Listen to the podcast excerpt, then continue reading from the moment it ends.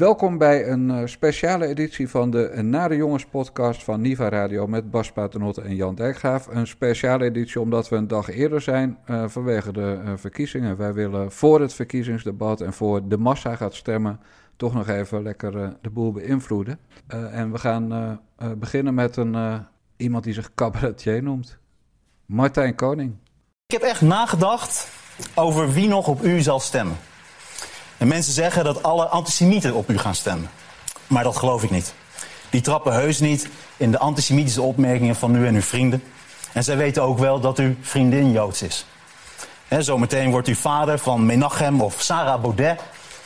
En dan voel je als antisemitische kiezer toch behoorlijk in je bruine hemd gezet. Maar als ik racist was, zou ik denk ik ook niet op u stemmen. u zegt wel braaf dat Europa wit moet worden en zo. Maar u bent zelf natuurlijk behoorlijk homeopathisch verdund met allerlei Indonesisch DNA. Racisten hebben misschien een mankement aan hun hersens, maar met hun ogen is niks mis. Kijk, stemmen ze u aan de macht, wordt iedereen met een zwarte kleur eruit gegooid, maar dan krijgen we ineens heel veel Aziaten hier. En dan blanden we van de, van de regen in de ajas. Ga jij een Thierry? Ja, Bas, opeens kregen zelfs de grootste vijanden van Baudet medelijden met hem. Dat was volgens mij niet helemaal de bedoeling.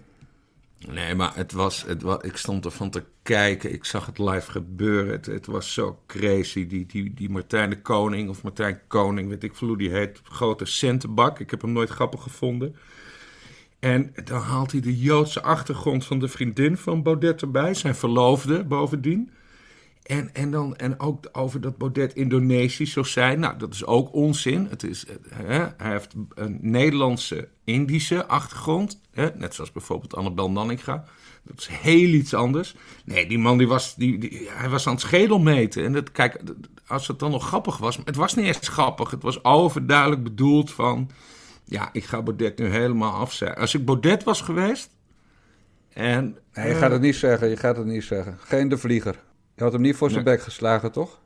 Nou, ik, ik, had, ik, ik had het oké gevonden als, als Baudet uh, die de koning had uitgedaagd voor een, uh, uh, voor een duel met, met de sabel of, of, of, met zo'n oud pistool. En dan, dan wel met echt op scherp schieten ook. Ja, nou ja, kijk, nee, we moeten natuurlijk er niet voor pleiten dat we, dat we mislukte cabaretiers gaan afschieten. Maar ik vond het allemaal zo niet deftig. Kijk, Baudet deugt niet, hè? dat vind ik ook al een tijd. En dat kun je ook prima zeggen. Maar het zo op de familie spelen en, dat, en, en zijn verloofde. Het is een politicus, hè? Je moet, je moet politici aanvallen. Niet een vrouw, niet hun, uh, een, hun, hun, familie, niet hun achtergrond. En nou ja, goed, je ziet er ook wat, wat er is gebeurd. Iedereen van links tot rechts. Nou ja, niet iedereen, maar eh, veel mensen van links tot rechts die vonden het ook veel te ver. Ja, maar die koning, die, die moet nu voortaan, als hij nog een keer mag optreden bij Jinek, moet hij gaan vertellen wat hij gaat vertellen. Dat is toch ook een beetje van de soort.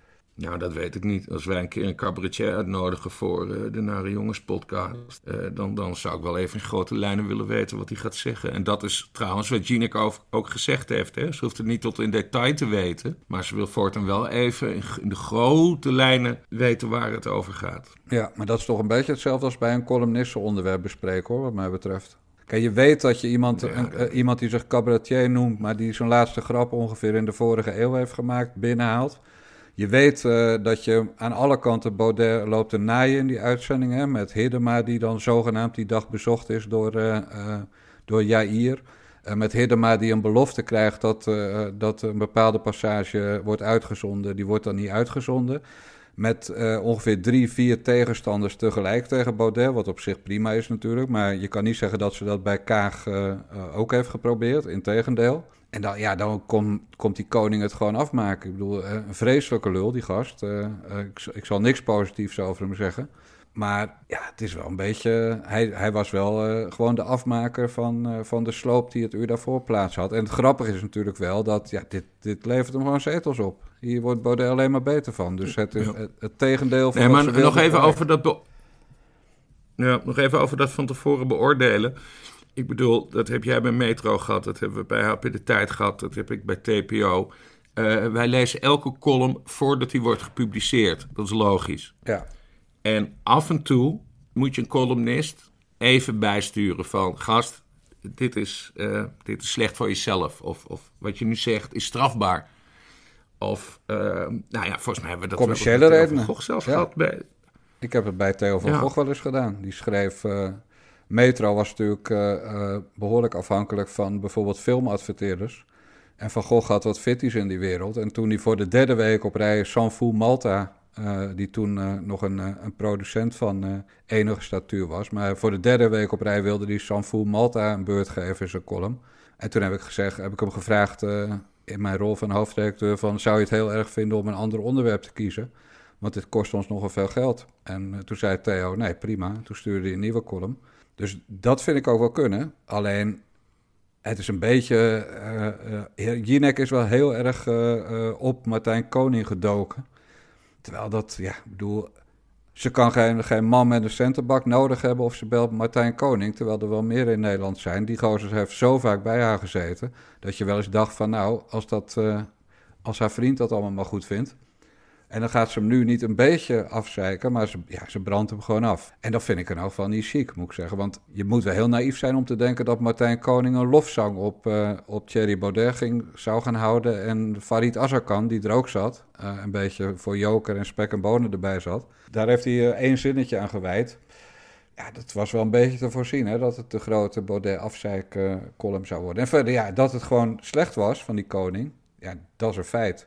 Maar ja, maar, uh, Mark-Marie Huibrecht zit er ook regelmatig. Dus ik geloof niet dat kwaliteit heel erg bepalend is. Maar jij vindt, jij vindt niet dat Jinek... Uh, met Jinek... pruik, toch? Ja, ja, die had vroeger een pruik, ja, dat klopt, ja. ja. Kijk, het, het grappige van het programma bij Jinek de avond erop was dat Jinek werd geïnterviewd. Dus iedereen ging vragen aan Jinek stellen. De, de parlementair verslaggever die er zat, Mark-Marie Huibrechts was zeg maar de hoofdinterviewer. En er werd één goede vraag gesteld door mijn, uh, mijn grote vriend Wouter de Winter. Die vroeg op een gegeven moment aan Jinek, maar vind je Martijn Koning leuk dan? Toen werd er ook een beetje besmuikt gelachen. Maar dat was natuurlijk wel de allerbeste vraag. Als iemand niet leuk ja, is... Wouter de Winter van de Telegraaf. Ja, van de Telegraaf, ja. Ook, eh, ook verder uh, uh, geen man waarvan ik zeg... daar zou ik graag een weekend gezellig mee in de kroeg willen zitten. want een VVD... hij is heel goed. Ik vind zijn columns geweldig. Zijn ook heel goed. Wouter de Winter is geweldig goed ingevoerd. Geweldig Absoluut. goed ingevoerd. Ja. Schrijft iedere dinsdag een column in de krant. En uh, ik, vind, ik, vind hem, ik vind hem heel grappig en goed en slim. Grappig? Hij is ook een leuke twitteraar. Vind je hem grappig? Ja. ja of hij een leuke twitteraar is, dat ja, kan ik helaas niet meer beoordelen, Bas. Want uh, ik heb wel eens wat vervelends over hem geschreven... en dan uh, krijg je een blok, hè, zoals dat heet. Nee, maar natuurlijk is het een... het is, oh, dat hij is wel jammer. Hij is extreem goed ingevoerd en ik heb van... Ja, zijn, zijn columns die deugen... Maar wat ja, de reflex van de Telegraaf van er komen verkiezingen aan, de laatste dagen gaan we even vol op het VVD-orgel. Uh, dat is wel heel erg uh, wat mij stoort aan de Telegraaf. En dat was met zijn voorganger Paultje Jansen natuurlijk ook al zo.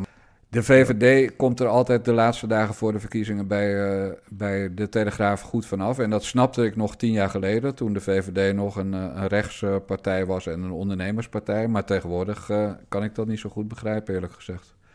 Er gebeurde nog iets anders die uitzending. Dat gesprekje met Theo Hiddema. Waar, waarom, waarom trok u zich toen weer als lijstduwer terug? Nou, ik was nog een beetje eh, psychologisch in de ban van de eerdere schok. Eh, dat waren, er kwam zoveel lelijkheid, lelijkheid op mij af. Ja. Ik ben nogal ingericht op de schoonheid der dingen. Um, ja, die appjes, dat was niet vrij. Later kwam Elsevier met een artikel waaruit bleek dat, dat Thierry daar ook vrolijk aan meedeed aan die appjes. Hoe, hoe keek u daar dan naar? Nou ja, daarom ben ik toch ook weggelopen. Ja. Uh, nou, later, ik wist toen nog wel wat, wat er in die appjes stond toen ik wegging. Dus eigenlijk zegt u dat u ook wist dat, dat, dat Thierry daar ook gewoon vrolijk aan meedeed? Ja, uh, dat, dat, zie je toch ook in de Elsevier? Ja, nee, Ik greep op een gegeven moment in, in dat appverkeer. Maar ik denk, er zijn toch belangrijke dingen dan deze spielerij, want dat was het. En toen denk ik, wat moet ik met die racistische direct steeds om me heen? Daar heb ik er geen zin in. Ja, ik dank u wel. Ja, Hiddema die weet van gekkigheid ook niet meer wat hij doet. Hij, uh, hij liet zich natuurlijk in de luren leggen. Hij zei achteraf dat er uh, passages waren geschrapt uh, die erin zouden blijven. Dus die Jair Verwe daar zou hem genaaid hebben. Nou, die zal dan wel in de in de rol van de eindredactie heeft zich niet aan de afspraken gehouden, verschuilen. Sowieso zegt hij nooit iets over zijn filmpjes. Sowieso is hij ook volstrekt niet leuk, die Verweda. sterker nog, maar waar Martijn Koning slecht is, is, is Jair Verweda. Ja, ik geloof dat ik hem naast iets van een likkende tackle had genoemd. Maar dat, dat is hij ook. Het is likken en slijmen bij iedereen. Het is niet mijn stijl.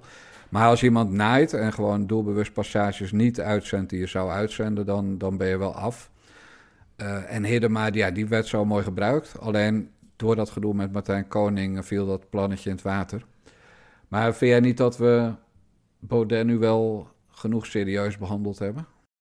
Het zou kunnen dat op, op woensdagavond dat we gewoon met 28 zetels daar de Kamer binnen uh, lopen. Dat zou natuurlijk zou fantastisch. het mooiste moment. Het zou echt ongelooflijk zijn. Ja. Dat ze er allemaal naast zaten. Dat ze geen idee hadden. Ja, eh, ik vergelijk het wel eens met het moment van die beurskracht in 2008. Toen hadden ook alle credit ratingbureaus en alle banken en zo. Niemand zag het aankomen. En van de een op de andere dag uh, veranderde de wereld kelderde de, de markt. Weet je wel, dat zou woensdag kunnen gebeuren.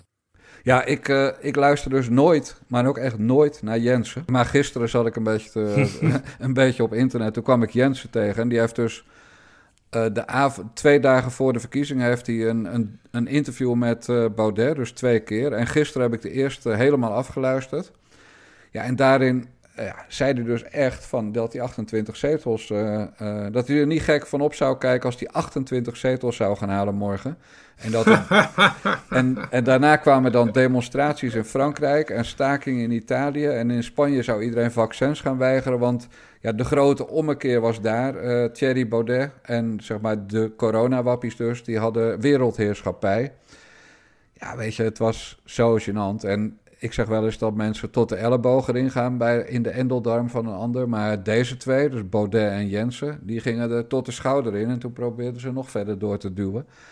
Het is een aanrader als je, als je gênante, journalistiek kan ik het niet noemen, maar een gênant YouTube-filmpje wil kijken. Uh, maar goed, wij zaten dus voor, in onze vorige Na de Jongens podcast met vier, vijf, zeven zetels voor Baudet. Maar we hebben hem dus onderschat. Het worden er morgen 28. Ja, nou kijk, uh, Baudet, ik, ik, ik, Baudet met een, met een stompe T. Ik, ik heb het altijd een fascinerend mannetje gevonden. Want ik ken hem al heel lang. Hè. Wij hadden TPO, organiseerde vroeger uh, TPO-borrels in de Bali in Amsterdam. Aan het, uh, hoe heet het, Leidseplein heet het daar, geloof ik. En daar heb ik hem ontmoet toen hij nog bezig was met zijn, met zijn uh, think tank, zijn denktank. En een hele slimme, aardige, vriendelijke jongen. Altijd goed contact met hem gehad. En, uh, en toen ging het dus mis bij de provinciale statenverkiezingen. Uh, die hij won, grootste partij van het land. Hij had het electoraat bij de ballen. Dat was de springplank voor morgen geweest. Hè? Voor, Ja. voor, voor- als morgen de exit polls komen. Dan had hij gewoon de, de grote uitdager van in ieder geval VVD en CDA geweest. Maar hij heeft het zelf helemaal verknald. Het is echt ongelooflijk. En ik zie hem ook. Ik, ik, hè, hij trekt nu door het land op zo'n platte kar. Eh, wat hij wel goed geregeld heeft. En er zijn ook heel veel mensen, voor, zo- voor zover dat mag, bij de eh, coronamaatregelen. Maar het, is, het, het, gaat, het, is, het is allemaal wappie onzin. Ook al heeft hij wel, dat, dat moeten we hem nageven, heel slim eh, dat coronanarratief gepakt. Ja. Hè, want er zijn natuurlijk meer mensen die, eh, eh, die een vrijheid terug willen. En hij hamert daar echt op. Dus ik snap wel dat we hem, dat we hem in principe eerst wat lager inschatten. Maar ik denk dat het nog wel een verrassing kan worden. Maar 28 zetels is natuurlijk uitgesloten. Ja, net niet, hè? Net niet. Haal die twee maar weg en dan, eh, dan is de kans groter dat het klopt. Ja, ach, Maar, ja, maar hoe precies. heeft hij de boel nou verziekt? Want hij heeft natuurlijk corona heeft hij weer een goed onderwerp. Maar eerder heeft hij dit gedaan met klimaat en met het verdrag van Marrakesh. Hè? Dus hij heeft zeg maar drie belangrijke thema's de laatste jaren. Is hij wel degene die een ander geluid eh, eh, heeft laten horen of heeft geclaimd als zijn onderwerp. Op zich, Ja. goed. Eh, Komt het nou echt alleen maar omdat hij, zijn personeelsmanagement wat slecht is? Of, of is hij echt een, eh, een antisemiet?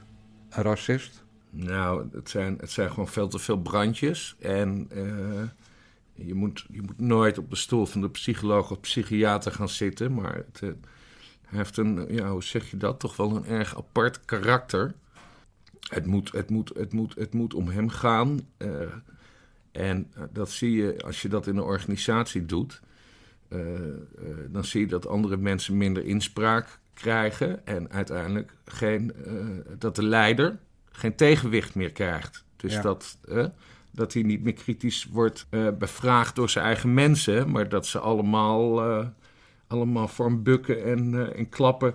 En uh, dat, dat is een groot probleem. Dat was wel het aardige van Henk Otte, denk ik. Ook al is die ook niet zuiver op de gaten, hoor. Want die heeft daar natuurlijk ook lopen graaien. Uh, Henk. Uh, maar dat was, een, dat was een tegenstem. En dat, dat hoor je in een partij te hebben. En volgens mij zijn er nu helemaal geen tegenstemmen meer. Nee. Maar je, maar je hoort bijvoorbeeld Annabel, die, Annabel Nanninga, die dan toch beweerde dat zij wel een tegenstem was. In stilte dan blijkbaar, of via de mail of via de appgroepjes. Uh, maar vind jij, vind jij die mensen die zijn weggegaan, vind, je dat, vind jij dat verraders of niet? Nee, totaal niet. Wat je zegt, Annabel, die spreek ik ook wel eens, en, die heeft mij dat ook wel eens verteld. dat zij intern de zaak heeft proberen bij te sturen. Maar ja, als de grote leider niet luistert, dan, uh, ja, dan verandert er niks. En, en dan helemaal toen het helemaal ontplofte met al die appjes en dat hij zich helemaal, uh, dat Baudet zich helemaal vasthield aan zijn, uh, zijn secondant Freek Jansen. Op wie hij gaat stemmen trouwens, vertelde hij gisteren. Echt? Ja, hij gaat op Freek Jansen stemmen. Nee, dan snap ik wel dat, dat, dat zo'n hele groep mensen weggaat. En, en dat hebben ze effectief gedaan. En ja, 21 is nu de grootste in de Senaat. Maar daar gaan we het misschien straks nog over hebben. Vast wel. En waarom gaat hij op Jansen stemmen? Is dat eh, vanuit homo-erotische overwegingen? Zijn, ja, ik, ik, weet niet, want hij is nu heel, de hele tijd in het land. Maar ik heb ze bijna allemaal gekeken, maar ik weet niet meer waar hij gisteren was. Maar toen haalde die Jansen op het podium en zei: Dit is mijn beste vriend in de partij. En die heeft heel veel glazen over zich heen gekregen. En daarom ga ik op hem stemmen. Dus die zijn verknocht aan elkaar. Neem jij uh, Baudet serieus? Wordt het ooit nog wat met die partij of niet? Nee, dit is, uh, dit is de laatste nabrander. Hij gaat waarschijnlijk nog wel een paar zetels pakken. Maar ja, uh, wat heeft hij de afgelopen uh, jaren in de Kamer gedaan? Hij heeft, hij heeft nog steeds de morgens niet onder de knie. Hij weet nog steeds niet hoe je een normale Kamervraag moet in, indienen. nee, dit is, dit is de hij, gaat er gewoon nog vier jaar zitten, gaat hij lekker verdienen, daarna is het afgelopen. Uh, Wilders is wel goed bezig en ja, die krijgt op dit moment weer allerlei gekkies uh, op, op zich af. En één daarvan heb ik vandaag een briefje aangeweid. Dat is meneer Harry Kiekebos. Alleen die naam al vind ik geweldig. Dat, dat klinkt als een stripfiguur, maar hij bestaat echt. En hij, hij kan ook praten. Luister maar.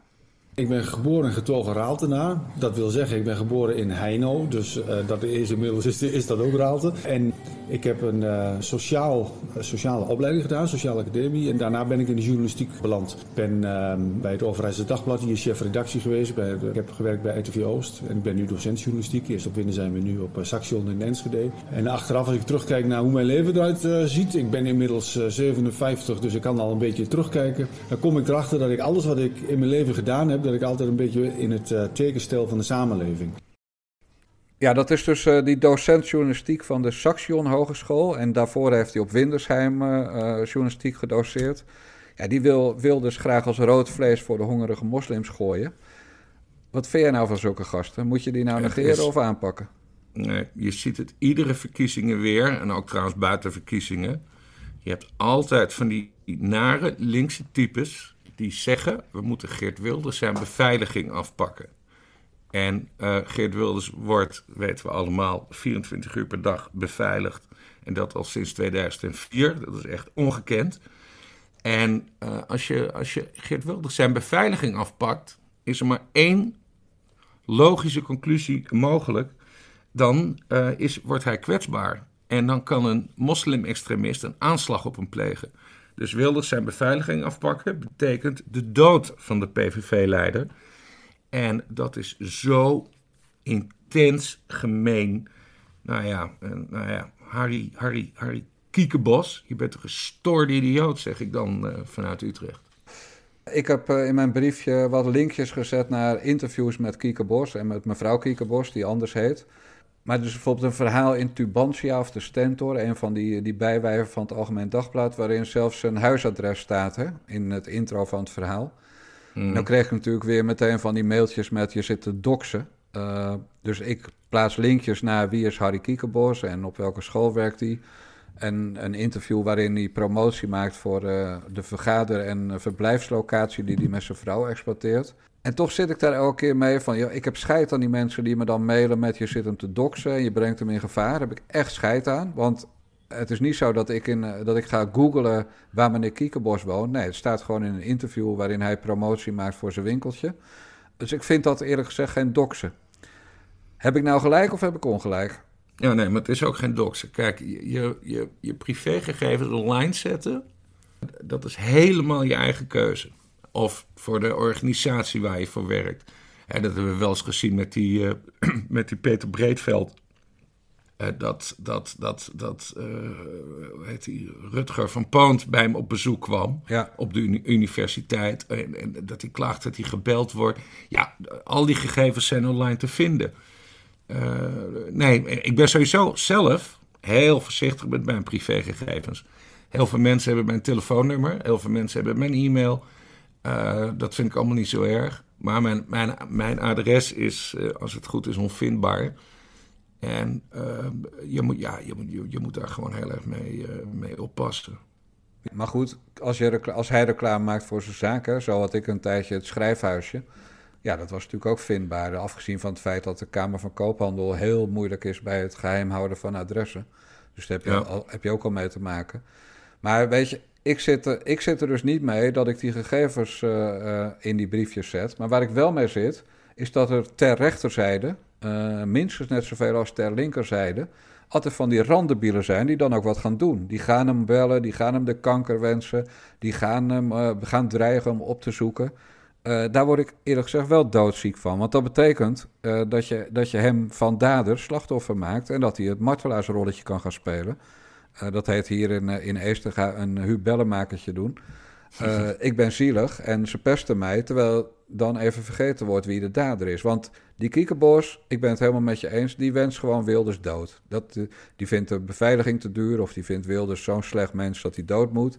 Ja, iemand die zo laag is, die kan wat mij betreft de tyfus krijgen.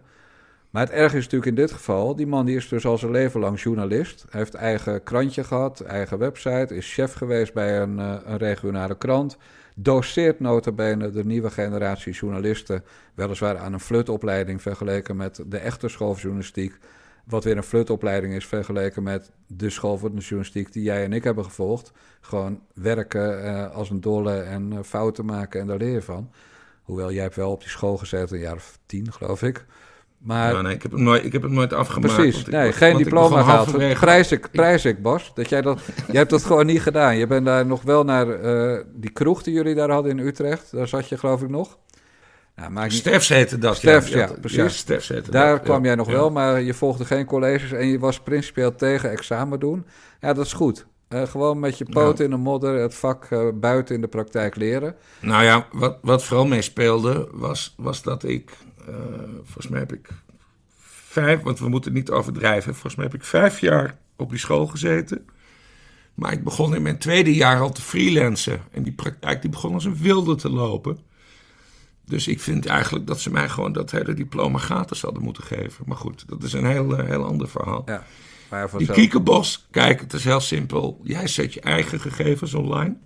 Sorry, ik ben verkouden. Of ja, het is geef corona, als je maar geen, geen corona doorgeeft over die microfoon. Nee, precies. Uh, je zet je eigen gegevens online. Haal die dan gewoon weg. En, en, en, en het is niet de schuld van Jan Dijkgraaf dat je dan vervolgens wordt lastiggevallen. Nee. Onzin. Waarvan akte. Wij zijn het uh, op zich uh, te veel eens. Dat moeten we eigenlijk niet hebben. Dus we gaan het over nog gevaarlijker tuig hebben dan Harry Kiekenbos.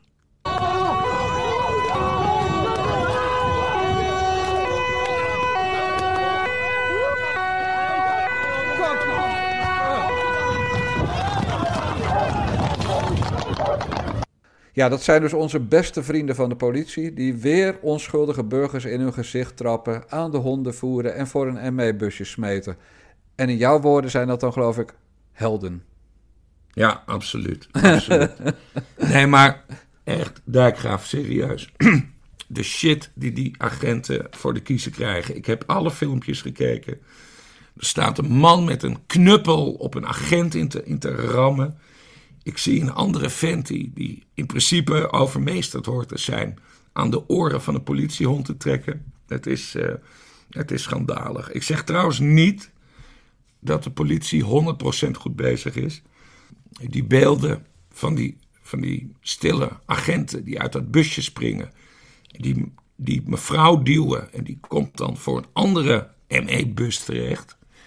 Ja, ik, ik, denk dat ze dat iets beter hadden moeten aanpakken. Want dat straalt ook heel slecht af op je, op je eigen, eigen korps. Oké. ja, het, is ook wel, het is ook wel interessant. Ik kreeg zojuist, vlak voordat we begonnen met dit gesprek, een persbericht van het Openbaar Ministerie. Uh, die, uh, die vertellen dat ze nu ook meekijken. De politie die gaat dit allemaal onderzoeken. En het Openbaar Ministerie kijkt over hun rug mee. En vermeldt expliciet uh, dat ze ook zelfstandig kunnen inzetten op vervolging. Of dat nou over agenten gaat of over die, uh, die demonstranten. Dus, nou ja, hoe heet dat in Den Haag? Het, het systeem is wel geborgd op een bepaalde manier. Ja, want het Openbaar Ministerie ging ook onderzoek doen naar Aquasi. En het Openbaar Ministerie ging ook uiteindelijk gedwongen onderzoek doen naar Joris Demming. En zo doet het Openbaar Ministerie natuurlijk heel vaak gedwongen onderzoek, of half gedwongen, in dit geval gedwongen door de publieke opinie die, die al die beelden heeft. Ik heb altijd een vraag als het gaat om politiegeweld. Zou, uh, als er geen, foto, geen filmpjes waren geweest van de aanslag op uh, Mitch Henriquez, maar zou dat ooit een rechtszaak zijn geweest als we alleen maar hadden moeten afgaan op ambtsedig opgemaakte processen verbaal van de agenten die die man verwurgd hebben, waardoor die doodging? Ik weet wel zeker van niet. Dus we hebben het aan die filmpjes, aan die, die burgerjournalisten die dan toevallig op een feest zijn of bij een demo, hebben we te danken dat we zien wat de politie doet. Want zoals je weet ben ik uh, een aantal jaren sportverslaggever geweest. En dan kwam ik wel eens bij het Feyenoordstadion bij avondwedstrijden. Dus dan maak je automatisch ook die confrontaties met de ME mee. Uh, daar zit gewoon schiet graag tuig tussen. En dan schieten in dit geval met een knuppel, slaan. Uh, maar er zit echt tuig tussen. En, en net als voetbalhooligans uh, gaan om te knokken, hè, die gaan niet voor de voetbalwedstrijd, maar die gaan om te knokken. Zo weet ik ook zeker dat er ME'ers zijn. En in dit, tegenwoordig heb je ook Romeo's, hè, die stille die uit die busjes rennen. Ja, uh, dat is dus niet nieuw, hè? Dat heeft Thierry Baudet ervan gemaakt. Die stille, maar, die zijn, maar die in zijn mijn al tijd, 100 jaar. Ja, nou, dat, niet in mijn tijd, want ik heb het over de jaren 80, toen ik sportverslaggever was. Toen had je die nog niet. Had je wel stille, maar niet zo gecoördineerd als de Romeo's tegenwoordig. Ja. Maar waar het om gaat is, uh, er is nu beeld van, dus komt er onderzoek. Maar het, het is, ik, het, ik heb dingen gezien, natuurlijk als zo'n man die hond bij die oren pakt, voor mij pas slaan ze hem half dood, die kerel. Dat is gewoon een dierenbeul, hè? Dus daar zijn we tegen, tegen dat gedrag. Maar Exact. als iemand op de grond ligt en je slaat dan nog drie keer met die wapenstok op zijn kale knar, dat is precies wat niet deugt. Op het moment dat hij op de grond ligt, je staat er met vijf man omheen, dan trek je die, die armen van zo'n gast op zijn rug, dan doe je hem handboeien om en, en dan stop je.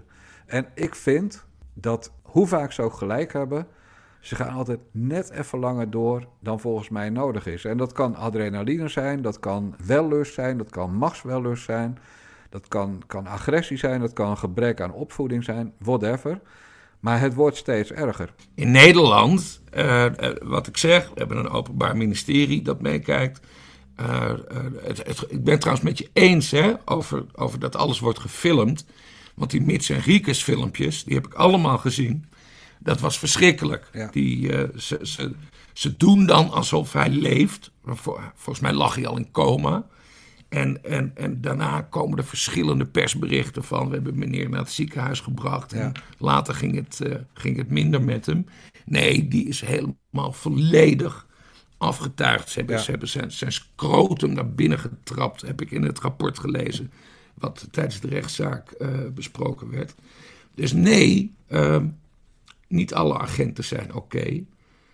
Maar het is wel de zwaardmacht. En ik ben nogal van law and order. en uh, ik denk dat we, de, de, de, we moeten respect hebben voor de politie.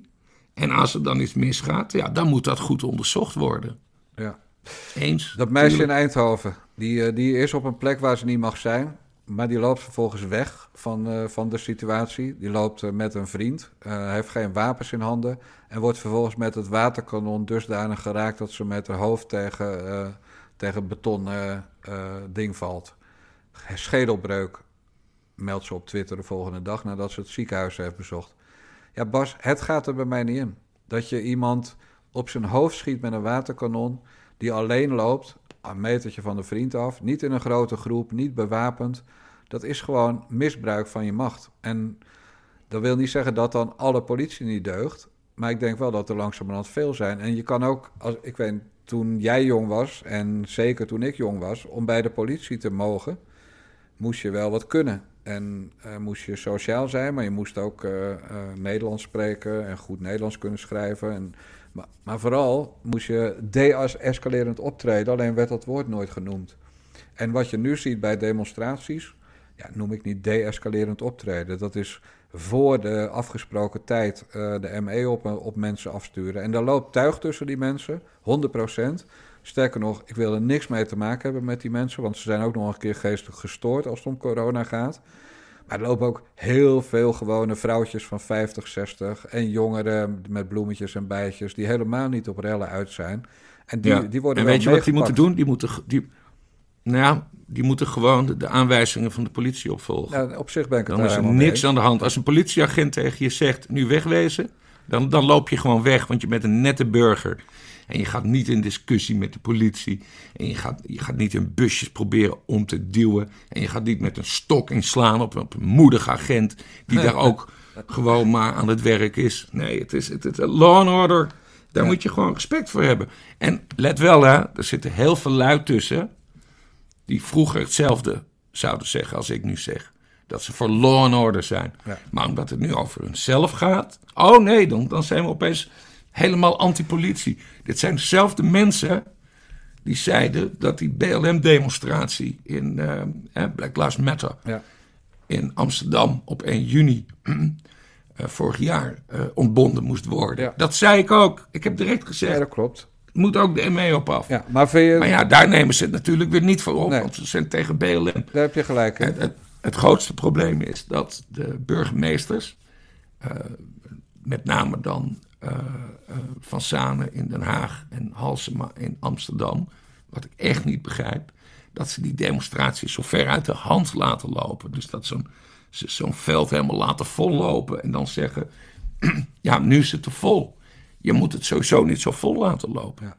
Er is natuurlijk nog wel een ding, en dat is dat wanneer eh, Extinction Rebellion of BLM of andere zeg maar langharig schorum demonstraties worden gehouden, dan worden ze nooit, maar dan ook echt nooit uit elkaar geslagen.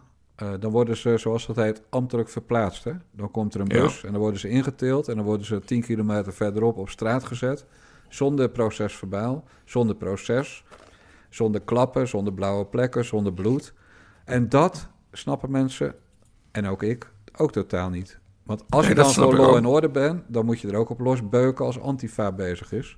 Exact. Gewoon met de lange lat erover. Ja. Met de lange lat erover. Dan zijn we toch weer nader tot elkaar gekomen. Zullen we het eens over de verkiezingen gaan hebben? Ik heb gestemd, Bas, vandaag. Ik ben te vroeg een dag. En niet omdat ik ziek ben, want mensen maken zich dan meteen zorgen. Maar gewoon omdat het kan. Het is mijn burgerrecht om een van die drie dagen te stemmen. En ik heb geen zin om morgen in Lemmer in de, in de drukte van al, tussen allemaal heigende bejaarden te staan. Dus ik dacht, eh, ik ga op eh, een rustige dag. En dan moet je ook niet de eerste gaan, maar de tweede. Dus eh, ik heb gestemd. En jij raadt 100% zeker op wie. We hebben het er vorige week namelijk al over gehad. En Tanja.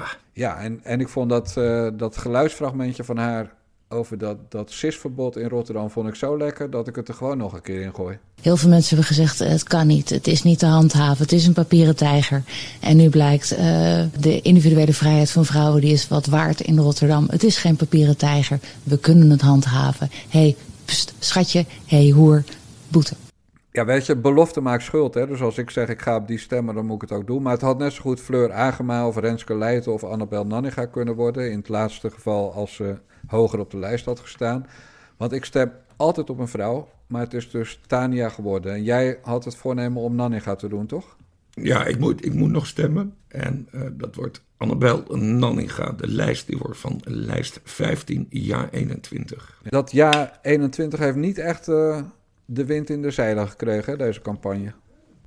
Nee, en dat is best wel eh, verdrietig, want ze hebben een hele belangrijke positie eh, eh, in de Eerste Kamer, namelijk acht zetels. dat worden de zeven trouwens, als de nummer twee van jaar 21 ehm, naar, de, naar de Kamer gaat. Ehm, we hebben straks de informatie en de formatie. Dus dan gaat er overlegd worden over een regeerakkoord. En dat betekent dat de winnende partijen ook naar de Eerste Kamer gaan kijken. En dan zien ze dat daar de derde partij Ja 21 is. Met als uh, fractievoorzitter Annabel Nanninga. En dat ze daar steun van nodig hebben. Nou, dat verhaal heeft Ja 21, denk ik, iets, tot nu toe iets te weinig naar buiten gebracht. Dat hun kracht in de Eerste Kamer ligt. En dat je hun alleen nog maar sterker maakt. als ze ook groot worden in de Tweede Kamer. En daar had Eertmans, wat mij betreft, iets meer de nadruk op uh, mogen leggen. Ja. Maar ze hebben ze helemaal niet nodig in de Tweede Kamer. Nee. Nul zetels kan ook wat dat betreft. Ja, kan ook. Maar echt, ze hebben een, groot, een grote kracht in de, in, in, in de Senaat. Ja, welke van die kleine partijen heeft het nou goed gedaan, deze campagne? Nou, het, het, zijn vooral de, nieuwko de nieuwkomer Volt. Daar zit opeens een hele, hele hype omheen. Terwijl het allemaal van die, van die D66 eurofiele consultancy boys zijn. Uh, Volt is de, is, de, is, de, is de grootste, gaat de grootste verrassing worden, denk ik. En Volt is ook, ik heb toevallig vanochtend hun uh, standpunten bekeken. Want uh, het ging hier thuis over Volt. Die willen gewoon uh, het vetorecht in Europa afschaffen. Hè? Dus dat betekent dat we nog directer dan bij D66 een, een provincie van Europa, van de EU gaan worden. op het moment dat Volt het voor het zeggen zou krijgen. Ja, Volt is helemaal voor het grote Europese Rijk. Ja. Dat, dat staat als een paal boven. En daarmee ze hebben één, één sympathiek, één sympathiek standpunt hebben ze en dat is dat ze kerncentrales zijn. En daar ben ik ook voor. Ja, maar geen reden om erop te stemmen, mag ik aannemen. Nee, totaal. En welke kleintjes hebben het allemaal slecht gedaan? Code Oranje komt niet lekker uit de verf. Uh, ligt niet aan Richard de Mos trouwens. Die is kaart aan het werk en maakt ook ontzettend geestige filmpjes. Ja, grappig, ja. En, uh, een soort spoof van Hans van Milo heeft hij gemaakt waar ik erg om moest lachen. Uh, staatsloterij. Ja staatsloterij gedaan, waar hij gezeik mee krijgt. Nou, ja, dat is super, super mooi natuurlijk. Ja. Alleen, ja, ik zie, ik zie hem trouwens, gaan we straks over hebben. Ik zie, ik zie Richard de Mos op zich wel in de Kamer terechtkomen hoor. Maar het wordt niet een heel groot uh, succes. Uh, nee, Volt en uh, Ja 21 schat ik desondanks dat ze het niet heel goed hebben gedaan, toch ook wel in met, met, met wat zetels. Ja, en verder die Splinter, die, die boerenclub, Piratenpartij, NIDA. NL Beter. Ja, NL Beter. Het is, uh, en wat ook zwaar tegenvalt qua publiciteit deze keer, vergeleken met vier jaar geleden, is natuurlijk uh, Hare Majesteit Sylvana Simons. Hè? Die komt gewoon nergens aan de bak. Ik had gevraagd of ze een, uh, een verkiezingscolumn voor TPO wilde schrijven. we hebben verschillende lijsttrekkers die dat hebben gedaan, maar dat zag ze niet zitten. Ja, vind ik toch wel een beetje dom, want we hebben een miljoen bezoekers per maand. Ja. Uh, dan, uh, maar goed, wij, misschien passen wij niet helemaal bij. Ik weet ook niet echt of dat doelgroep. doelgroep is. Nee, ik denk het niet hoor. ik denk dat TPO toch echt van, uh, van, van de witte mensen en van de boze mensen en van de racisten en van de antisemieten en van, van, de, niet, van de exclusieve als tegenstelling van inclusieve. En nee, TPO deugt natuurlijk niet. Dat, nee, en bovendien, het, het mokko kan niks, laat staan schrijven. Ik bedoel, je hebt niet gevraagd of ze een paaldansvideo-clipje wilde insturen. Neem oh, dit loopt allemaal zo uit de hand. Ik heb er eigenlijk met vol respect heb ik met haar heen en weer zitten en dat was, dat was superleuk. Ja, maar dit zeg ik toch? Dat zeg jij toch allemaal niet? Ja, nee. We hoeven toch niet op één lijn te zitten over Sylvana Simons, hoop ik? Nee, nee, dat is waar. met je briefjes. Laten we even wat lijsttrekkers doornemen van de grotere partijen die tijdens het kerstreces geen fractievoorzitter zullen zijn. En dan niet zozeer omdat ze per se minister willen worden. Uh, eerst, uh, zeg maar, mijn rode lap. Wat voor meisjes zien we hier? Wat typeerde jou? Um, nou, ik was altijd heel blij om naar school te gaan. Kleuterschool of wat dan ook. Um, inderdaad, een van mijn eerste rapportjes uh, stond er wel op. Ik had dan overal zogenaamd goede cijfertjes voor, weet je wel. Maar ik kwebbelde te veel. Oh, noemden ze dat toen oh, nog. Ja. Van, ja, ik kreeg een... Ik kreeg een, ik kan maar zeggen, een tien voor kwebbelen, maar dat was nou net het cijfer wat je niet moest hebben. Dus mijn vader die lag helemaal dubbel van het lachen. Want ik wilde gewoon meedoen, praten. Uh, ik, ik, had, ik vond het leuk. Ja, Sigrid Kaag. Uh, bij koffietijd was dat. Uh, want ja, die heeft echt nergens nee tegen gezegd. Alleen Nederland in beweging, geloof ik, is er niet door gevraagd. Dus dat heeft ze niet gedaan. Maar verder Bij koffietijd zat ze keurig met een kinderfotootje en te vertellen over vroeger en eh, de, slechte, of de zware jeugd die ze gehad heeft. Nou, eh, uitmelken, uitmelken, uitmelken, dat doen ze allemaal, dus dat ga ik haar niet verwijten. Het is een gênante vertoning, want op het moment dat er een roddelblad over twee maanden over schrijft, dan staan ze op hun achterste benen dat uh, privé en, en zakelijk gescheiden moet worden. Maar Sigrid Kaag dus, ja, die gaat natuurlijk nooit de Tweede Kamer in, hè? Echt, ze kan, ze kan er niks aan doen. En, en, en, maar ze praat zoals koningin Beatrix uh, deed. Toenmalige koningin Beatrix. Uh, ik heb er ook in een of ander verkiezingsdebat, volgens mij was dat nieuwsuur, dat ze dan met de gewone bevolking in, uh, in gesprek moest. Het is allemaal zo awkward. Uh, en ik zie er ook totaal niet als, als fractievoorzitter in de Tweede Kamer zitten. Dat kan ze niet. Het is ook geen groot debater, hè? Ze is helemaal niet nee. een sterk beter. Kijk, het is ongetwijfeld een hele slimme vrouw. Uh, maar het, het, is, het, is geen vol, het is geen volksvertegenwoordiger. Maar goed, uh, als, ze in het kabinet komen, dan, uh, dan wordt ze vice, vice-minister-president, vice-premier. Ja, de eerste vice-premier ook ongetwijfeld. En buitenlandse zaken zal ze dan wat doen. Maar stel nou, hè, het is mijn ergste nachtmerrie. En ik heb ook beloofd dat ik ga emigreren als het gebeurt. Maar stel nou dat ze wel premier zou worden. Dus dat er toch iets geks gebeurt, nog die laatste dag, vanavond. Komt opeens nieuws over Rutte, die, uh, die inderdaad uh, uh, jochies heeft misbruikt en daarna opgegeten, zoals sommige baudatiers wel eens beweren. Maar stel dat gebeurt en Kaag wordt wel premier. Hoe zou, nou, wat zou er gebeuren schrijf, met dit land? Dan, dan schrijft ze politieke geschiedenis, maar het, het, is... Het is ja, dat is een denkoefening, want het, het gaat helemaal niet gebeuren. Ja, maar ik zou ze kunnen. Premier zijn? Ja. Oh ja, dat denk ik wel hoor. Het is. Uh, dat, dat, dat, dat staatsmannelijke, dat, in dit geval dan staatsvrouwelijke. Dat, dat heeft ze wel. En ze werd in ieder geval op het gebied van buitenland uh, uh, perfect te opereren. Hè, want ze, ze, spreekt heel veel talen en, ja. en, en, en, heeft heel veel contact ook door de werk bij de Verenigde Naties in het, uh, in het verleden. Nee, ik, dat, dat, zou, of het een goede premier wordt, weet ik niet. Maar het zou wel een, een premier Abel, premier Abele premier zijn. Maar het is een, het is een gedachte-experiment, want het gaat niet gebeuren. En we moeten sowieso niet hebben dat dit land uh, wordt, uh, aan de top wordt bestuurd door D66. Ook dacht dat je ging zeggen door een vrouw, maar zo, zo erg niet. Ja. Daar heb je niks tegen, toch? Een vrouwelijke premier? Nee, dat, dat maakt mij niet uit. Ik ben gek op vrouwen. En... Joodse meisjes vooral, en dat is er weer niet. Ja, nou, dat zou nou eens mooi zijn. Een, een, een, een Joods vrouwelijke premier. Ja. Hebben we die? Nee. Ja, lekker. Schiet lekker op zo. Ja. Hey, wordt, Kra wordt Kaag uh, tweede partij of derde of vierde? Vierde partij, denk ik. Dus jij denkt dat CDA en PVV groter worden nog? Ja, ja, ja, ja, ja. VVD, PVV en CDA worden groter. Ja, oké. Okay. Helder.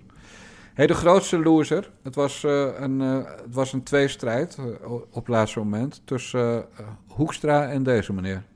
Ik ben heel trots op mijn achtergrond. En ik ben heel trots op mijn Marokkaanse roots. En die trots is de afgelopen jaren wel groter geworden. Toen ik mijn halfbroertjes en zusjes heb, heb leren kennen. Okay. Ik zie dingen terug van mijn vader.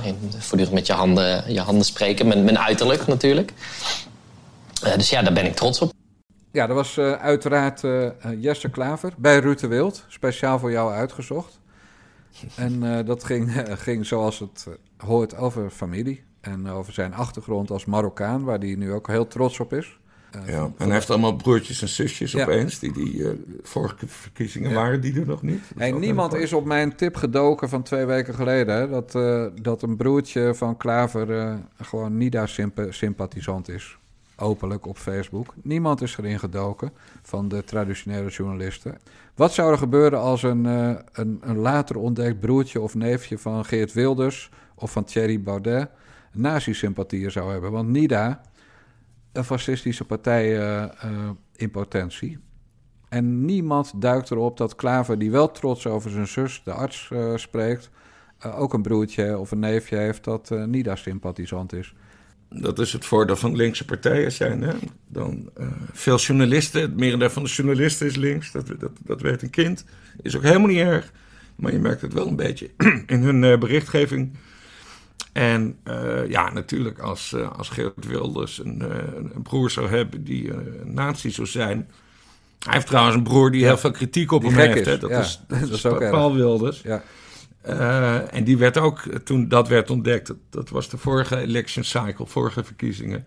Toen werd hij ook opeens door iedereen geïnterviewd van... hé, hey, de broer van Geert Wilders houdt niet uh, van zijn eigen broer. Ja. Die, moeten we, uh, die moeten we kontje geven, die moeten we, die moeten we groot maken. Dus, maar ja, goed, het, bij, bij Klaver... Klaver is voor jou gewoon weg, hè? Die zijn in zijn nadagen ja. nu, toch? Exact, dit zijn de nadagen. Als hij deze verkiezingen niet wint, wat hij niet gaat doen... dan uh, gaan er stemmen op, kan niet anders... dat het tijd is voor een nieuwe partijleider. Vandaag, letterlijk een dag voor de verkiezingen, komt er dan weer zo'n filmpje van uh, met een moeilijke achternaam. Een heel gelikt filmpje. Waarbij dan mensen opeens gaan roepen: leuk, hartstikke leuk zo'n filmpje, professioneel gemaakt, lief en aardig. Maar zou je niet even je steun betuigen aan de, aan de schrijfster die nu bedreigd wordt in Amsterdam? Wat vind jij daarvan? Moet, zij zich daartoe verplicht voelen? Want Klaver heeft, uh, heeft een petitie ondertekend. Uh, uh, en dat is niet de enige van GroenLinks, maar zij houdt weer de kop dicht. Moet zij zich laten leiden door dat soort aanmoedigingen of moet ze er scheid aan hebben? Nou, ze gaat er gewoon niks over zeggen, want dat, want dat komt er niet uit. Eh, want ze deugt niet. Ze heeft gewoon aantoonbaar banden met de moslimbroederschap. Uh, als, als ze daar iets over zou zeggen, dan, dan wordt ze door de eigen achterban aangevallen. Nee, die Kautar, dat is een van de gasten gasten misstappen die GroenLinks ooit heeft kunnen zetten. Want, want ze is toxisch voor zowel links-progressieve mensen. als voor uh, nette rechtse mensen en extreemrechtse mensen. Gewoon iedereen wordt boos op haar. Dat zou daar nooit op die lijst moeten zetten. Nee, en zelfs als GroenLinks acht zetels haalt, dan komt ze dus in de Kamer met een negende plek. Omdat Klaver aan zijn stutter zal trekken. Ja, omdat Klaver dan opstapt. Ja, dus nou, eigenlijk moeten ze naar zeven dalen om, uh, om voorlopig van die Kautar af te zijn. Ja.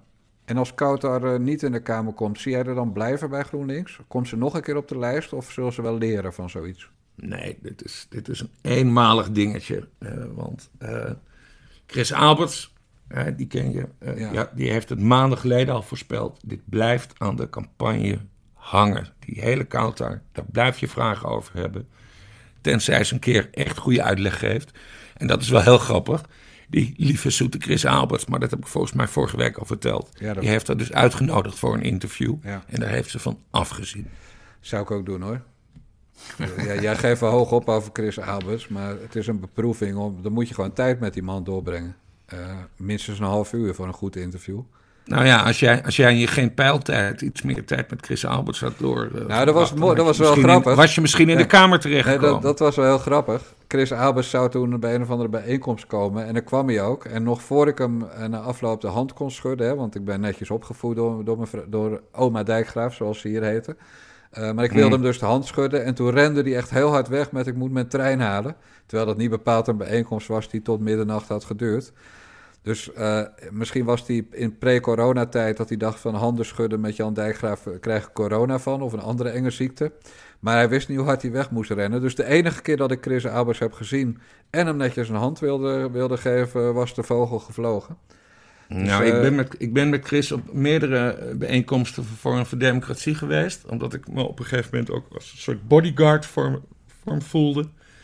Chris Alberts is geen bange man. Dus ik denk nee, dat hij serieus de trein moest Ja, nee, het zal best wel. Ik, ik heb er ook niet om getreurd, uh, Bas, als ik eerlijk ben. Sowieso niet van die nul zetels ook heb ik ook niet om getreurd. Want dat zag je wel. Mijn... Dat, heb je heel, dat heb je heel goed verwerkt. Daar schrijf je ook altijd heel eerlijk over. Ja, nee, maar dat was gewoon. Uh, ze hadden mij gewoon niet moeten vragen. En uh, ik, ja. ik heb wel eens uh, lezingen gegeven in het geheim hè, van, aan bedrijven hierover.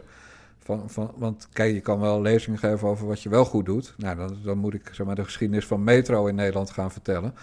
Uh, ja. Maar mensen hebben meer aan, om, aan het leren van fouten. En de les van geen pijl is dat de meeste mensen denken dat als er 20 variabelen zijn, dat het met 19 goed moet zitten, dan wordt iets een succes. Terwijl de les van geen pijl was, als er 20 variabelen zijn, moeten er 23 uh, goed zijn. Dan heb je een kleine kans op succes. Nou, er waren er ongeveer nul goed. En dat wisten we ook, denk ik, als we echt eerlijk zijn. We hebben dat nooit zo uitgesproken, Bart Nijman en ik. Maar ik denk dat we dat ongeveer wel de eerste of de tweede dag wisten. Uh, dus uh, vier maanden voor de verkiezingen.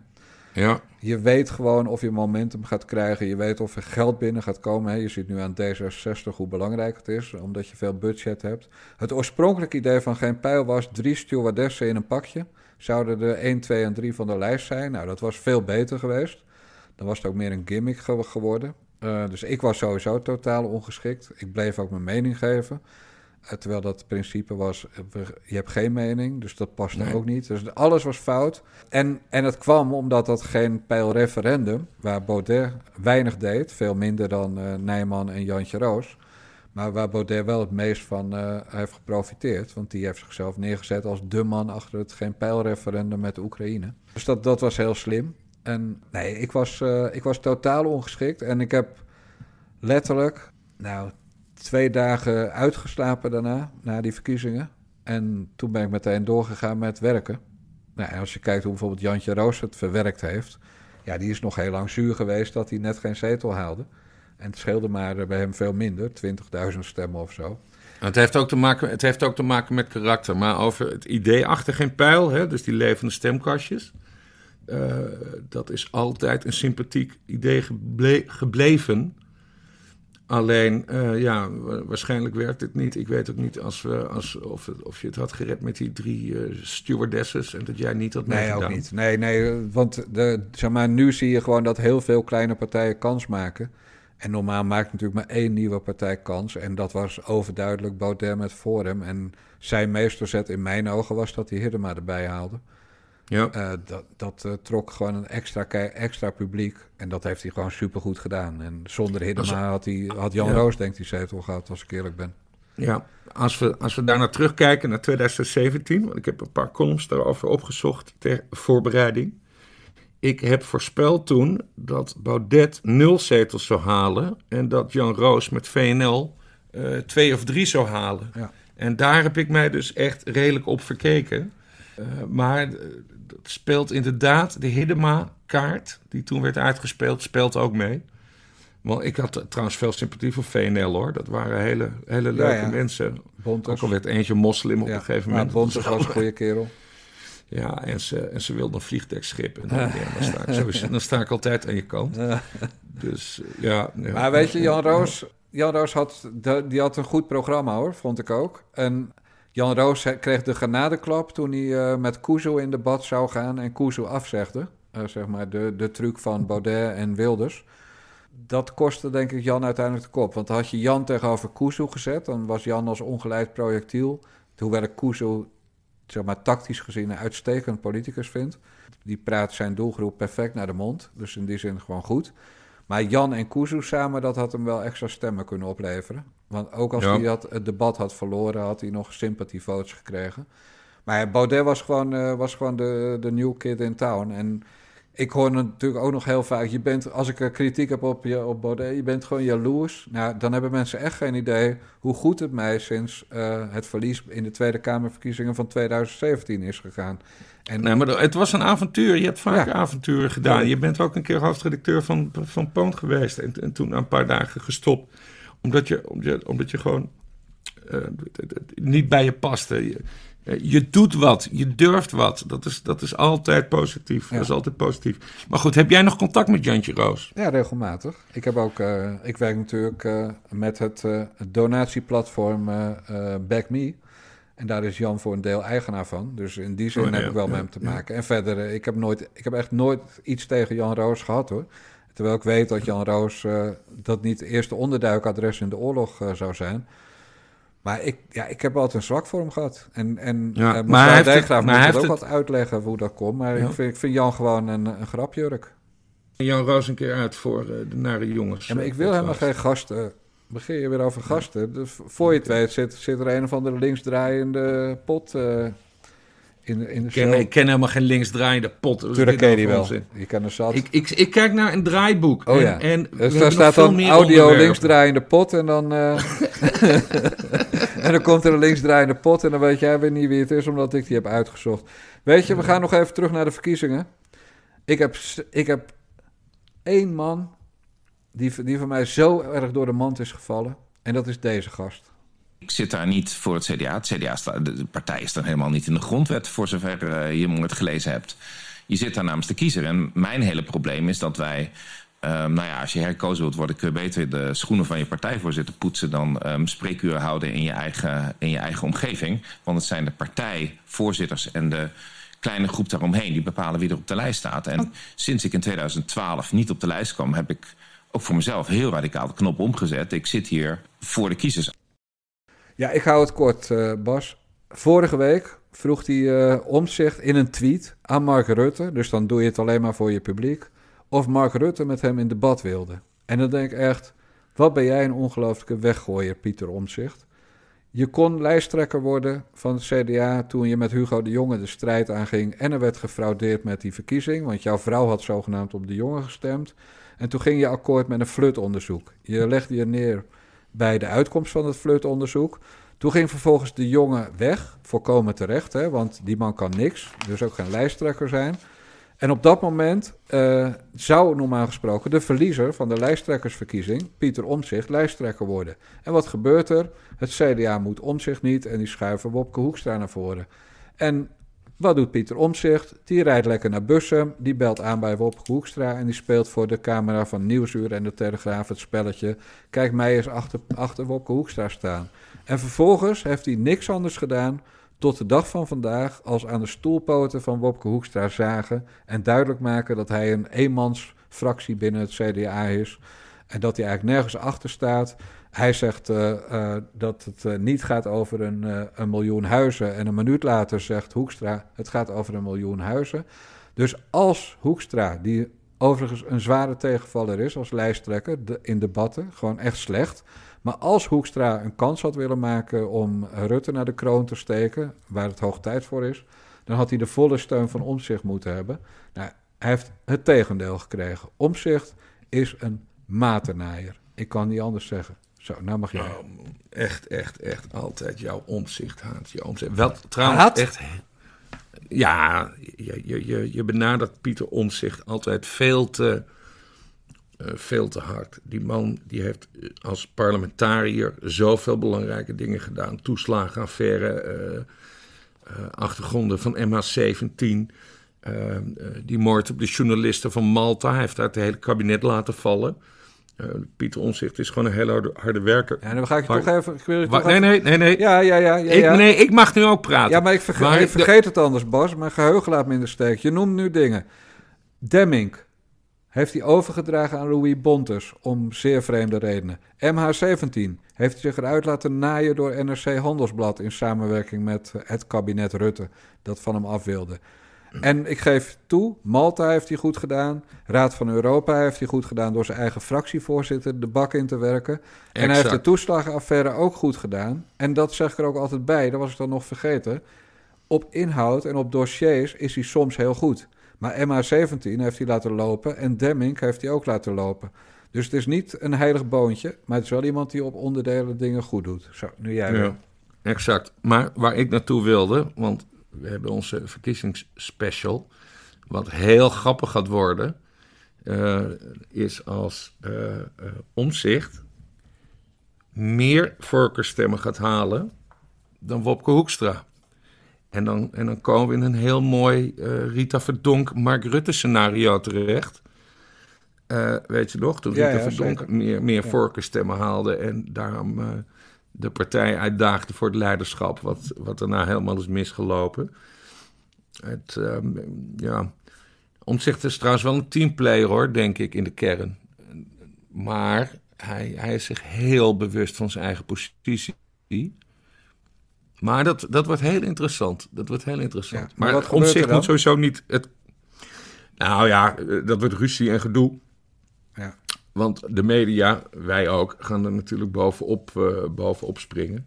Ik hoop vooral dat omzicht uh, behouden blijft voor de, voor de Tweede Kamer. En dat hij dus niet dan opeens minister wordt of zo.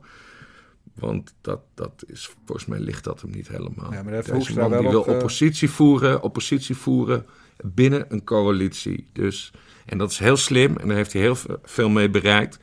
Want de beste manier van oppositie voeren is als je in een coalitie zit, omdat je dan dingen kan bereiken. En daarom is het kabinet gevallen. Ja, het kabinet is niet gevallen doordat hij een motie tegen het kabinet steunde, maar omdat het kabinet zelf is Nee, het kabinet is gevallen door zijn inspanningen. Ja, dan kan je ook Renske Leijten noemen. En in, in mindere zin Azarkan. Maar je hebt gelijk. Hij heeft ook dingen goed gedaan. Alleen, hij had wel het verschil kunnen maken.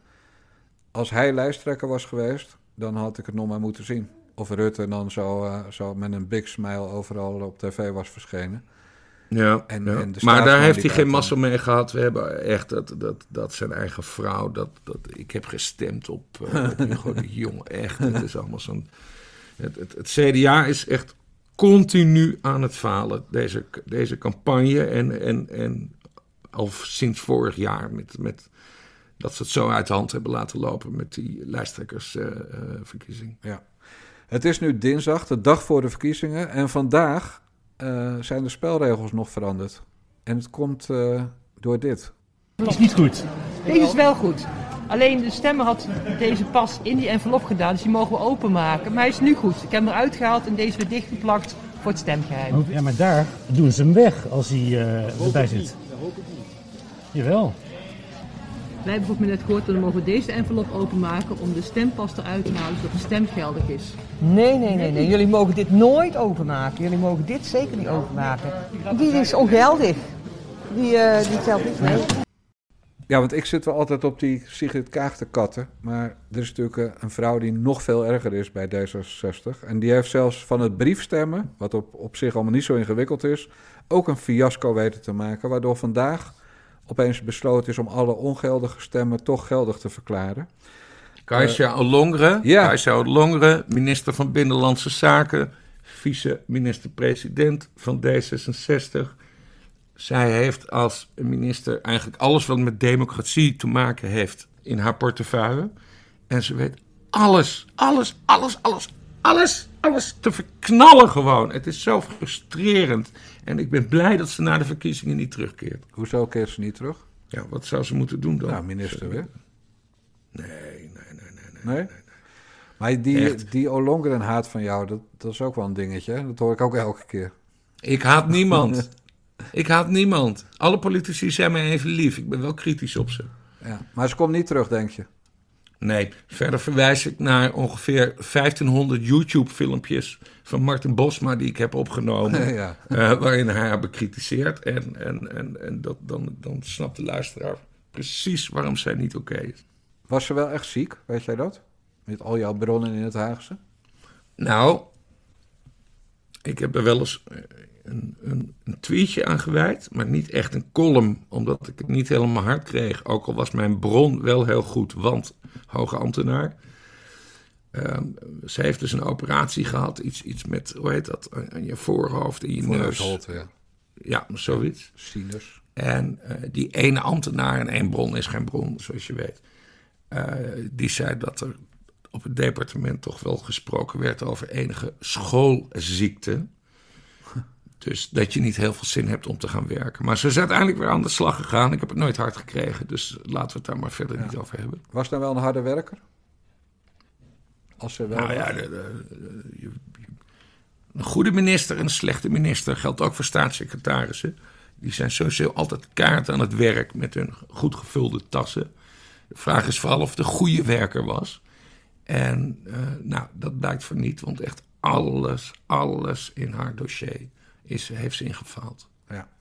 Hey, zullen we eens even de zetels gaan verdelen? Want we kunnen wel lullen, maar dan kunnen de mensen ook uh, donderdag beoordelen of we er verstand van hebben. Exact. Roep jij uh, eerst uh, per partij en dan ik? VVD. Zo. 31. 31? Ik heb 29. PVV. 24. 23. CDA. 18. 15. Ik denk dat het Hoekstra-effect nog even doorgaat. En omzicht, hè? D66. 17. Ja, die staat bij jou dus op de derde plek. Of op de vierde ja. plek. En ik heb hem uh, uh, derde staan met 20 zetels. Ik denk dat Kaag uh, gewoon naar de 20 gaat en als, een, als de grote winnaar uit deze verkiezingen komt. Met dank ik, ga aan... af op jou, ik ga af op jouw politieke gevoel. Ja, ja met dank aan die, die schuurman of hoe die man heet, die IT'er die binnenkort klusjes van ze krijgt voor zijn miljoen donaties. Ja, dat was ook zo bizar. Gênant. GroenLinks. Acht zetels. Ja, heb ik ook. Dus Kouter komt erin, want Klaver treedt terug. Ja. Uh, daar leggen wij ons dan maar bij neer. SP. 10 zetels. Ik heb ze op 9. Dat, ik begrijp van die Gijs Rademaker dat het dan niks scheelt. Hè, als je maar één zeteltje verschil hebt. Dus daar denken wij hetzelfde over. PvdA.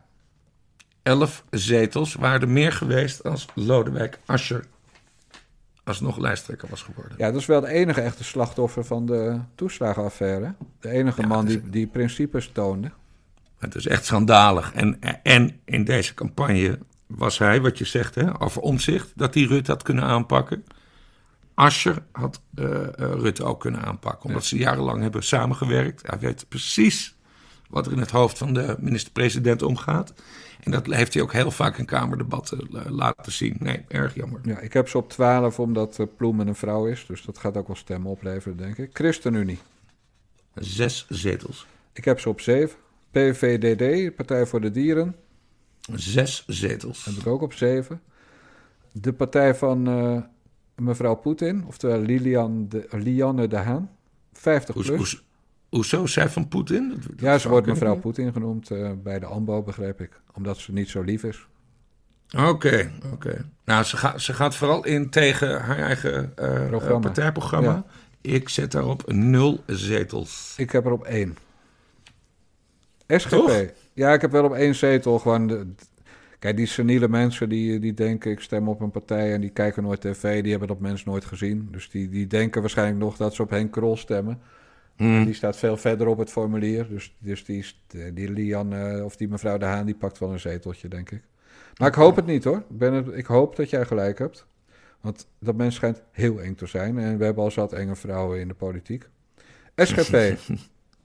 Drie zetels. Dat is geloof ik de eerste die we hetzelfde hebben. Denk. Drie zetels. Heb ik op twee. Maar ik ben, ik ben dus helemaal fan van uh, Farid Assakan. Hè? Ja. Die is zo, hij is heel geestig, hij is goed in de campagne en hij kleedt zich goed, vind ik ook belangrijk. We gaan voort. Ja, nou, ik denk er komt nog een lofzang op Assakan. Uh, maar dat nee, dat, ik, ik, vind, ik vind Assakan gewoon een leuke lijsttrekker en hij, hij komt mij sympathiek over en hij is, hij is fel. En ja, het, probleem met, de, met Denk is dat altijd dat verhaal uh, lange arm van, uh, van Erdogan. Nou ja, Azarkan is dus een Nederlandse Marokkaan. Dus ja. daar heeft Erdogan weinig invloed op. Ook al koopt hij wel zijn kleding in... Uh, uh, kom, hoe heet nou die mooie stad in Turkije? Istanbul.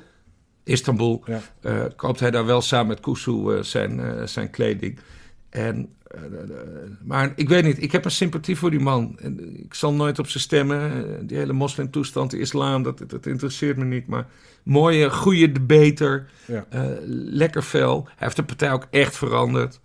Uh, want vroeger waren ze veel agressiever. En dat is echt aan Asserkant te, denken, te danken dat ze, dat ze daarmee zijn geminderd. En uh, die Ossie Usturk is ook weg natuurlijk. Ja, en dat, dat scheelt nogal. is alleen maar goed. Oké, okay, de Baudet-partij? Vijf zetels. Oh, ik heb ze op zeven. Ik denk, en, en eigenlijk meer, maar ik wilde nog wat kleintjes toebedelen, zetels gaan toebedelen. Maar deze ga ik van je winnen hoor. Het wordt eerder meer dan zeven dan, uh, dan minder dan zeven. Dus uh, dat is top. Bij één. Eén zetel. Die heb ik op nul. Want ja, je mag ook hopen, vind ik, zo vlak voor de verkiezingen. Ik mag toch hopen in... dat, dat het pijpenstelen regent, dat het koud is en winderig en sneeuw en hagel en onweer. En dat, dat, uh, dat ze allemaal laat wakker worden in de Bijlmer en dat dan het stembureau al gesloten is. En dat er net in deze te wooktijden, zijn. In deze wooktijden heeft Sylvana Simons, hoe klein ook, hè, want ze is de Amsterdamse Raad, waar ze niet eens meer in zit, uh, is op restzetels binnengekomen. Ja. In deze wooktijden heeft ze een heel klein windje achter zich. En ik denk dat dat haar wel één zetel oplevert. En we gaan er dan ook belachelijk veel plezier van Dat wel, ja. Nee, als het gaat om lol van columnisten, dan, dan kan ze... Dan wil ik ook Quincy Gadio erin, dan maar meteen twee. Maar, maar het, is, het is gewoon niet best dat, uh, dat, dat iemand met die standpunten... En ik heb ze allemaal gelezen. En ja, dat wil je gewoon eigenlijk echt niet in een uh, democratisch uh, samengestelde Tweede Kamer. Maar weet je, het zal me ook jeuken hoor. Ik gun het die centen. Ik bedoel, heeft ze eigenlijk weer een beetje geld. Hoeft ze niet op een krakker, krakkemikkige woonboot in te wonen. Dus ik gun het er van harte. en ik gun het vooral ons. Uh, ja 21. Drie zetels. Heb ik op twee. Code Oranje heb jij natuurlijk op nul. Nee. Oh. Heb ik over getwijfeld. Uh, hadden we het net over. ik denk dus dat Richard de Mos het hem toch gaat lappen. En met zijn hazen achterban. En een beetje daarbuiten toch die ene zetel binnensleept. Ja. ja, ik heb ze ook op één. Uh, wat ik goed vind van de Mos en wat hij in mijn ogen te weinig heeft gecommuniceerd, is dat als hij in die strafzaak, uh, als er ooit een strafzaak komt, en als hij dan schuldig bevonden wordt aan zeg maar, de belangrijke verwijten, dat hij zich dan terugtrekt uit Code Oranje, dat hij er ook voor getekend heeft. En dat dan uh, Plasman of de nummer drie in de Kamer zou komen. En dat vind ik ook wel een vorm van integriteit die je bij politici noden mist. Gewoon iemand die zegt van, ja, ik heb het niet gedaan. Maar als ik toch veroordeeld word, dan ga ik wel uit de Kamer. Nou, uh, als je dan kijkt wat hij heeft gedaan en, en wat bij anderen binnenkomt aan donaties en, uh, en aan het aantasten van de rechtsstaat, wordt gedaan, dan denk ik van ja, dat is gewoon een chique vent. Dus... Nee, maar dat, dat, is het, dat is het ding met de Mos. Hè? Het is een hele, hele volkse, volkse jongen. Ik heb veel, veel contact met hem, ook omdat hij voor TPO wekelijkse column schrijft. Ik heb, ik heb verder weinig met volkse mensen. Maar uh, uh, wat jij zegt, dat hij dus zich terugtrekt mocht hij schuldig worden bevonden, ja, dan dat, dat is integriteit. Dat is hoe je het hoort te doen. Ja. En dat, dat speelt er heel knap. En ik moet trouwens nog maar zien of hij wordt veroordeeld. Want het heeft, nee, dat mijn persoonlijke mening, het heeft er alle schijn van dat dit een, een, een, politiek proces is. Niet zozeer een politiek proces door het Openbaar Ministerie, maar wel uh, politiek aangestuurd. Uh, omdat hij bij de gemeenteraadsverkiezingen destijds de grootste werd. En dat uh, de zittende macht dat eigenlijk helemaal niet zag zitten. Nee, en hij zou burgemeester worden op het moment dat Krikker ging aftreden. Dus vandaar dat die inval vlak voor haar vertrek was. En dan was hij waarnemer geworden en dat wilden ze ook per se niet. Dus ik denk dat het wel op het niveau van de VVD-top zit. Dat dit uh, uh, allemaal georchestreerd is. Ja. En laten we eerlijk zijn, dit is gewoon een, een, variant op het Wildersproces. Dit gaat, ja, dit gaat ook nergens over. En wat hij dan geflikt zou hebben, voor zover ik weet... Hè, en ik heb natuurlijk dat boekje uitgegeven... maar wat hij geflikt zou hebben, ja, dat valt echt in het niet... bij wat andere politici doen... Uh, en en dat, dat is ook niks kwalijks aan dat je met een, een bootreisje meegaat en dan niet betaalt. Omdat iemand wil snoeven met ik heb betaald. Dat gaat, gaat echt helemaal nergens over. En, en als je dan ziet wat de Van Zadelhofjes allemaal aan de VVD hebben gegeven in de loop der jaren. En hoeveel schandalen die partijen uh, zeg maar achter de rug hebben. Ja, dan, dan is dit helemaal niks. En ja, ik heb sowieso een zwak voor de underdog hoor. Dus vandaar dat de Mos er gewoon in moet. En, en ik ook op de hoogwerf heb gestemd. Ik zou niet zo snel op de mos stemmen. Ik vind het een lelijke vrouw, zeg maar. ja, ja, ja. Hey, we gaan ik gun naar de... die ene zetel. Ja. ja, ik gun hem ook die zetel. We gaan naar de, de mogelijke verrassing. Uh, tot een paar weken geleden hoorde hij er geen reet van. En nu uh, is het uh, volt dat de klok slaat. Waar heb jij ze op staan? Twee zetels. Ik heb ze op vier. Jezus. Ja, ik denk dat zeg maar, dat, dat mensen toch geen verkiezingsprogramma's en standpunten van partijen lezen. Je ziet dat, die, dat ze erg geplucht zijn de laatste tijd. Ik merk op social media dat heel veel jongeren geneigd zijn om zeg maar, niet op D66 te stemmen of op GroenLinks. En dat heeft natuurlijk met Klaver te maken. Maar uh, dat Volt voor heel veel jongeren echt een alternatief is. Uh, ik merk ook bijvoorbeeld mijn oudste zoon, die heeft natuurlijk in Duitsland gewerkt en gaat daar misschien weer werken. Die zijn veel Europeeser dan mijn generatie en ik denk ook dan jouw generatie. En dan spreekt dat hele EU-geneuzel van Volt uh, spreekt gewoon heel erg aan. En kernenergie, weet ik niet of dat bij ja, dat is, dat, jou, is, dat is niet Bob. Nee, dat is Pim. Dat is niet Bob, ooit. Pim. Pim, Pim. Ja, Pim die, Dijkgraaf. uh, die overwoog... Maar dat is een millennial ook, hè? Ja, dat klopt. Ja, maar die overweegt Ja, en- dan wel ook zulke partijen. En dat is ook, die zou ook Piratenpartij of zo kunnen stemmen. Maar eh, ja, voor hem is Volt dus een optie. Terwijl ik denk Ja. van, als je... Ik vind D66 al de hel. En dit is gewoon de hel in het kwadraat, dat Volt. Nee, maar dat is wat je zegt, hè? Dat is echt een generatieding. Ja. Ehm, ehm, eh, die jonge lui, die, mil- die millennials, die zijn veel Europeeser ingesteld dan, dan, dan jij en ik. Ik, ik ben gewoon voor, eh ik ben voor nazistaat, ik ben voor eigen Nederlandse identiteit. Maar die jonge kids, eh, ja, die gaan ook eh, die reizen door Europa, weet ik veel wat ze allemaal doen. Vind ik allemaal prima. En daarom snap ik wel, als je dan zo'n zo'n niet-zeggend, maar positief Europese boodschap verkondigt als Volt, dat, dat de kids, de jeugd, daarop, eh, daarop aanslaan. Dus misschien heb je gelijk dat ze wel meer halen dan mijn gedachte, uh, twee zetels. Omdat we de, de millennial vote niet moeten vergeten. Exact. Hey, Nida. Ja, nul. Piratenpartij. Nul. Splinter. Nul. BBB. Nul. NL Beter. Nul. Lijst Henk Krol. Die gaat het lappen. Henk komt terug in de Oh, Kamer oh, voor, zijn, wat- voor zijn vijfde partij. Tot nu toe zijn we het eens namelijk. Allemaal nullen. Nullen van Nida, nul van Piratenpartij, nul van Splinter, nul van die boeren en zeker nul voor Esther van Venema. Eh goddank. Maar Henk Krol had ik ook op nul. Die heb jij echt op één of is dat een grap? Nee, die, heb ik, die, die zet ik op één zetel. Want Henk Krol is een ijzersterk merk. En, en al die oude mensen die zijn gewoon gek op hem. En waar we het net over hadden, 50 plus, die ik dus op nul heb staan. Eh, de, de oude mensen die, eh, die willen toch iets terugzien. En dan, dan is Henk Krol met al zijn nadelen en zijn, en zijn, en ongemakkelijkheden en, en hoe die dingen verknalt. Ja, die, die haalt, die haalt zijn, eh, zijn kiesdeler wel hoor. Ja. ja, ik gun het hem van harte hoor. Wat denk ik heel belangrijk is en wat mensen nooit mogen vergeten. Net als jij dan zegt wat omzicht altijd goed doet. Ja, zo is Krol natuurlijk wel de man die heeft gezorgd voor dat het homohuwelijk in Nederland eh, eh, officieel eh, geaccepteerd werd. Dat komt echt door hem. En dat, hij heeft het niet alleen gedaan, maar hij was wel de aanjager daarvan. Ja, en dat is toch voor heel veel mensen wel heel belangrijk. En die, ja, ik als linkspersoon ben ook erg voor dat soort vrijheden. Dus eh, dat, ja, dat zijn dingen die je echt op Henk Krol zijn konto mag schrijven. En natuurlijk kan je dan zeggen, hij vergeet verjaardagen of hij feliciteert de doden. En hij, heeft Hij feliciteert dode mensen, ja, hij rommelt met pensioenen, weet ik het al. Dat zal allemaal wel.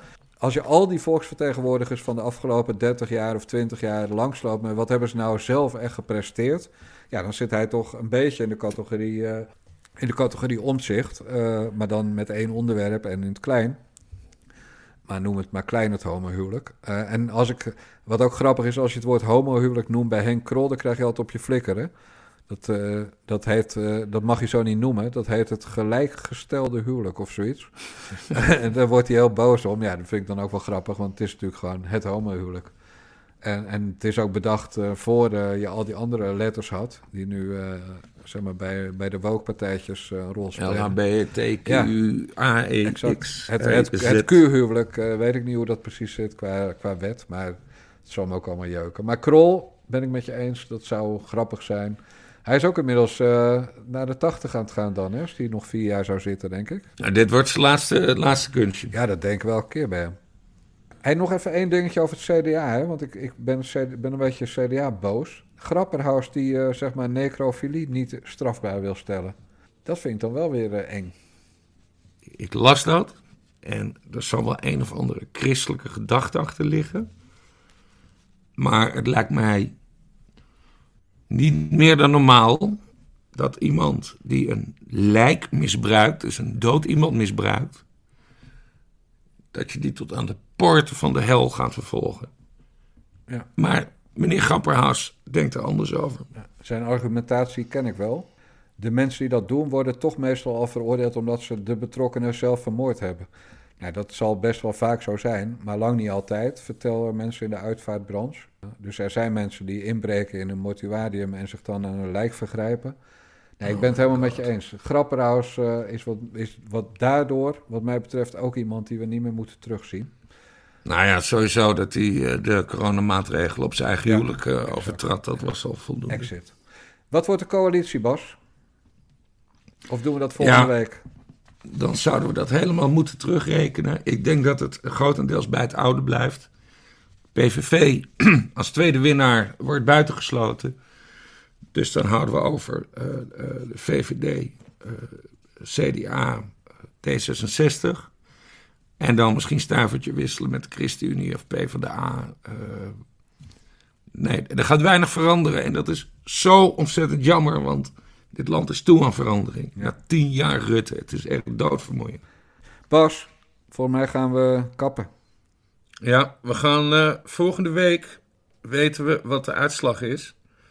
En daarna gaan ze maandenlang formeren. En daar komt nog genoeg lollige dingen uit, denk ik. Denk het ook. Ik spreek je weer. Marcel. Bye bye. Hoi. Dit was de derde aflevering van de Na de Jongens podcast van Niva Radio met Bas Paternotte en Jan Dijkgraaf. Onze website is nivaradio.nl. Doneren kan op bunk.me slash donaties. Heb je tips? Wil je ons overladen met complimenten? Of heb je gewoon wat te zeiken? Mail dan naar redactieassistente Naomi op redactie.nivaradio.nl